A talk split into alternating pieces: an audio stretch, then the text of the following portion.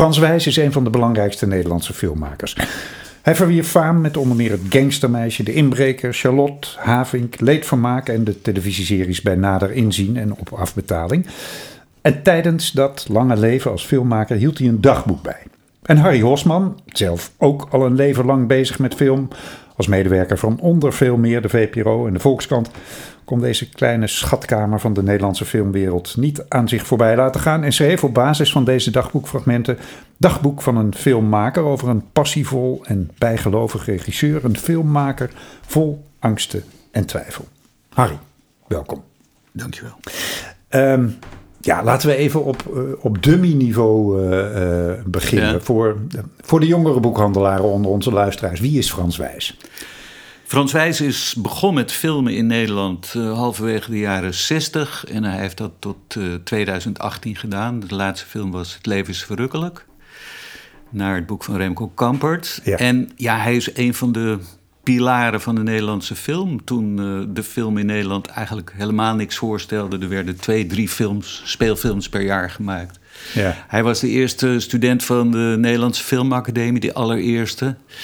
En hij heeft uh, ja, dus zeg maar meer dan 50 jaar films gemaakt, televisieseries gemaakt, ook nog veel commercials gemaakt, uh, theaterdingen.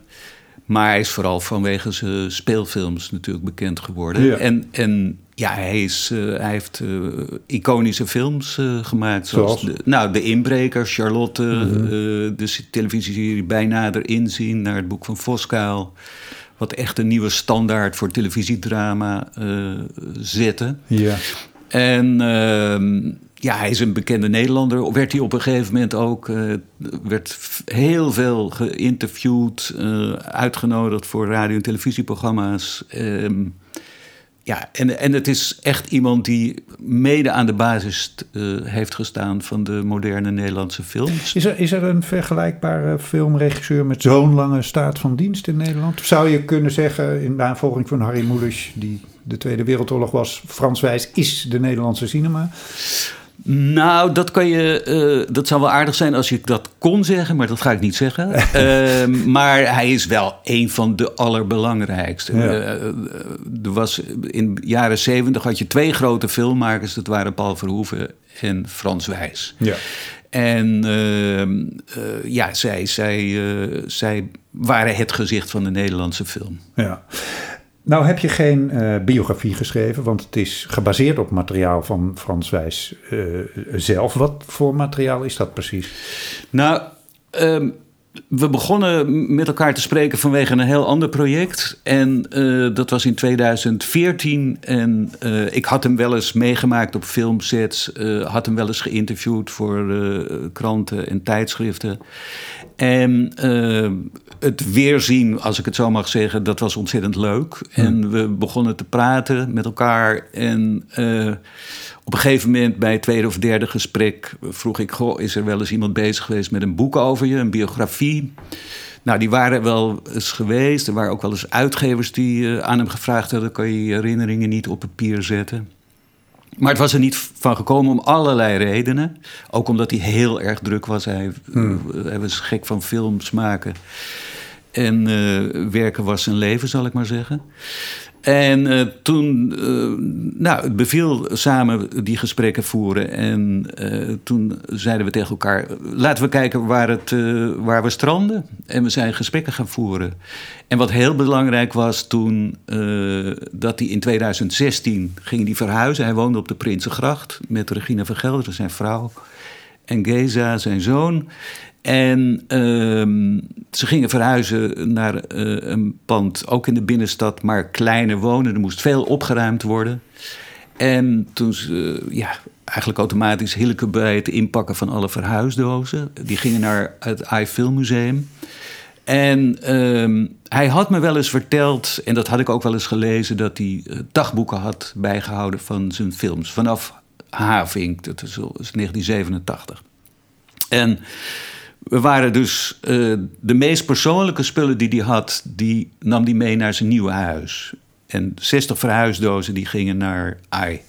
En toen we die dagboeken ook aan het inpakken waren, toen zei ik: Mag ik er eens wat van lezen? Hij had er wel eens iets over, zeg maar niet veel. Hmm. Deed er ook een beetje wegwerperig over. Van ja, er staan vooral eh, technische dingen in en zo. Toen heb ik twee dagboeken meegenomen, die mocht ik lezen. Eh, want hij zei meteen: Ja, natuurlijk mag je het lezen. En toen zei ik: van ja. eh, die dagboeken, dat moet het boek worden. Want ik kan wel allerlei mensen gaan interviewen. Dat, daar was ik ook een beetje mee begonnen van waar hij mee gewerkt had. Maar eh, toen ik die dagboeken las, toen dacht ik, dit is dichterbij Frans Wijs kan ik niet komen. En waarom dacht je dat? Wat, ja, wat steeg erop uit Omdat, die omdat hij eigenlijk eh, eh, nou, een, een dagboek van, van zeg maar 15 films had hij dus dagelijks eh, was hij gaan opschrijven, al in het begin eh, als we bezig waren met het scenario soms. Maar in ieder geval van de opnames, elke avond of elke ochtend als er een nachtshoot, nachtopname was geweest, had hij precies genoteerd wat er allemaal op de filmset was gebeurd. En ehm, nou, zoiets ken ik wel uit het buitenland van sommige Hollywood-regisseurs, maar van de Nederlandse regisseurs had ik dit in ieder geval nog nooit gelezen. Maar wat zien we dan? Zien we dan... Ik denk dan meteen aan hele smeuïge dingen als een ruzietje met de acteurs of... eh, Heb je het al gelezen? Nee, nee, nee, daar Oh. denk ik aan. Ja, nee, het klopt. Nee, dat was eh, dat, eh, de- precies wat je zegt. Alle smeuïge dingen worden niet geschuwd. En het aardige is dat die, hij, hij, hij zegt ergens ook... vormgeven aan je wanhoop is het begin van de genezing. En het doen van een filmopname of filmopnames maken als regisseur... je bent eh, zeg maar het opperhoofd van een hele ploeg van acteurs, van technici... is gewoon eh, eh, een, eh, een grote klus. Wanhopige onderneming. Wanhopige onderneming ook. Ook hele leuke momenten natuurlijk. Het is Ja. niet alleen maar van, oh wat is het erg allemaal weer op de set. Maar het is natuurlijk vechten met acteurs, met technici, met cameramensen. Geld regelen. Geld regelen, dat in de, in de voorfase. dus Ja. bijvoorbeeld hij heeft precies verteld... eh, met Charlotte, dat was een heel belangrijke film, is dat in zijn oeuvre dat hij met zijn deux chevaux door heel Europa ging op zoek naar geld voor Charlotte. Over dus de kunstenaars. Over Charlotte Salomon. Ja. En ehm, ja, dat is een, eh, een bizar verhaal. Dat hij naar de BBC ging, naar Sendefries Berlin. eh, een Duitse eh, producent, eh, Arthur Brauner. Via Wim Wenders, Volker Sleundorf. En tegelijkertijd werd aan het scenario geschreven door Judith Hertzberg. En er werd dus eh, een storyboard gemaakt. Dus met tekeningen van hoe de scènes eruit zouden kunnen gaan zien. Nou ja, dat soort verhalen zit er dus schreef hij ook op en heeft Ja. hij verteld. Ja. En het bijzondere is dus dat je echt een geweldige... Hij heeft heel veel prijzen gekregen. Hij heeft eh, Gouden Kalveren gewonnen. En dit is eigenlijk de achterkant van al die prijzen... en de glitter en glamour... Zo, als je daar ook iets in Nederland eh, tenminste van kan bespeuren. Dat, eh, dat je ziet nu de achterkant daarvan. Wat, wat gebeurt er eigenlijk op een filmset? En het is, eh, ja, dat, dat is, vertelt veel over het filmmaken. Het vertelt- veel over hem. Ja. Het vertelt veel over de cultuur in Nederland. Ja. En eh, wat voor boek is het uiteindelijk geworden? Eh, Is het alleen maar de dagboekfragmenten? Of schrijf jij ze op een bepaalde manier aan elkaar? Of Ja, wat? ja want, want eh, het, het was voor hem heel belangrijk. Dus om, eh, soms valt hij met de deur in huis en zegt hij van... eh, volgende week beginnen de opnames van dat en dat. En ik moest natuurlijk ook wel dan introduceren... wat voor boek, hoe lang zijn ze er al mee bezig. Ik heb van die 60 verhuisdozen heb ik, bij AI heb ik ook ontsloten. Dat heeft me heel veel tijd gekost. Ehm, hij had al het grootste archief bij AI, 250 archiefdozen.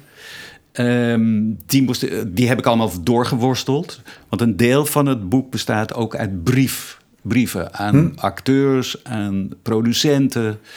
Er waren een aantal films die wel belangrijk zijn in zijn oeuvre, zoals bijvoorbeeld van De Inbreker, waar, toen hij nog geen dagboeken schreef. Ehm, dus dat heb ik, daar wilde ik toch iets over zeggen. En het blijkt dat zijn brieven aan bijvoorbeeld producenten, in dit geval Rob Dumé, dat je dat kan vergelijken met zijn dagboeken. Want Ja, ja, ja. eh, hij, hij, eh, en hij heeft bijvoorbeeld ook een, met Arno Grunberg heeft hij ge- eh, is hij bezig geweest met blauwe maandagen. En dat is uiteindelijk niet gelukt. Maar in die brieven, ze kenden elkaar helemaal niet. En dan ging hij aan Arno Grunberg uitleggen. Ze hadden elkaar ook nog nooit ontmoet. Of Waarom één hij keer. de man was die die film moest maken. Precies. Ja. En dan ging hij ook vertellen van zijn achtergrond, van zijn Joodse achtergrond. ja, van, en Arnold Grunberg natuurlijk niet vies van om eens te vragen: ben je wel eens verliefd geworden op een hoofdrolspeelster? Of hoe is dat en dat en dat gegaan? Nou, en dan ging Frans dat omstandig uitleggen. Dat je het bijna onvermijdelijk is dat je soms verliefd wordt op je hoofdrolspeelster. Met andere woorden, dichter bij eh, Frans Wijs en de Nederlandse film dan in zijn eigen woorden kunnen we niet komen. Eh, Ik ben heel erg benieuwd. Dankjewel, Harry. Ehm, Frans Wijs, dagboek van een filmmaker, verschijnt in september bij Uitgeverij Plein.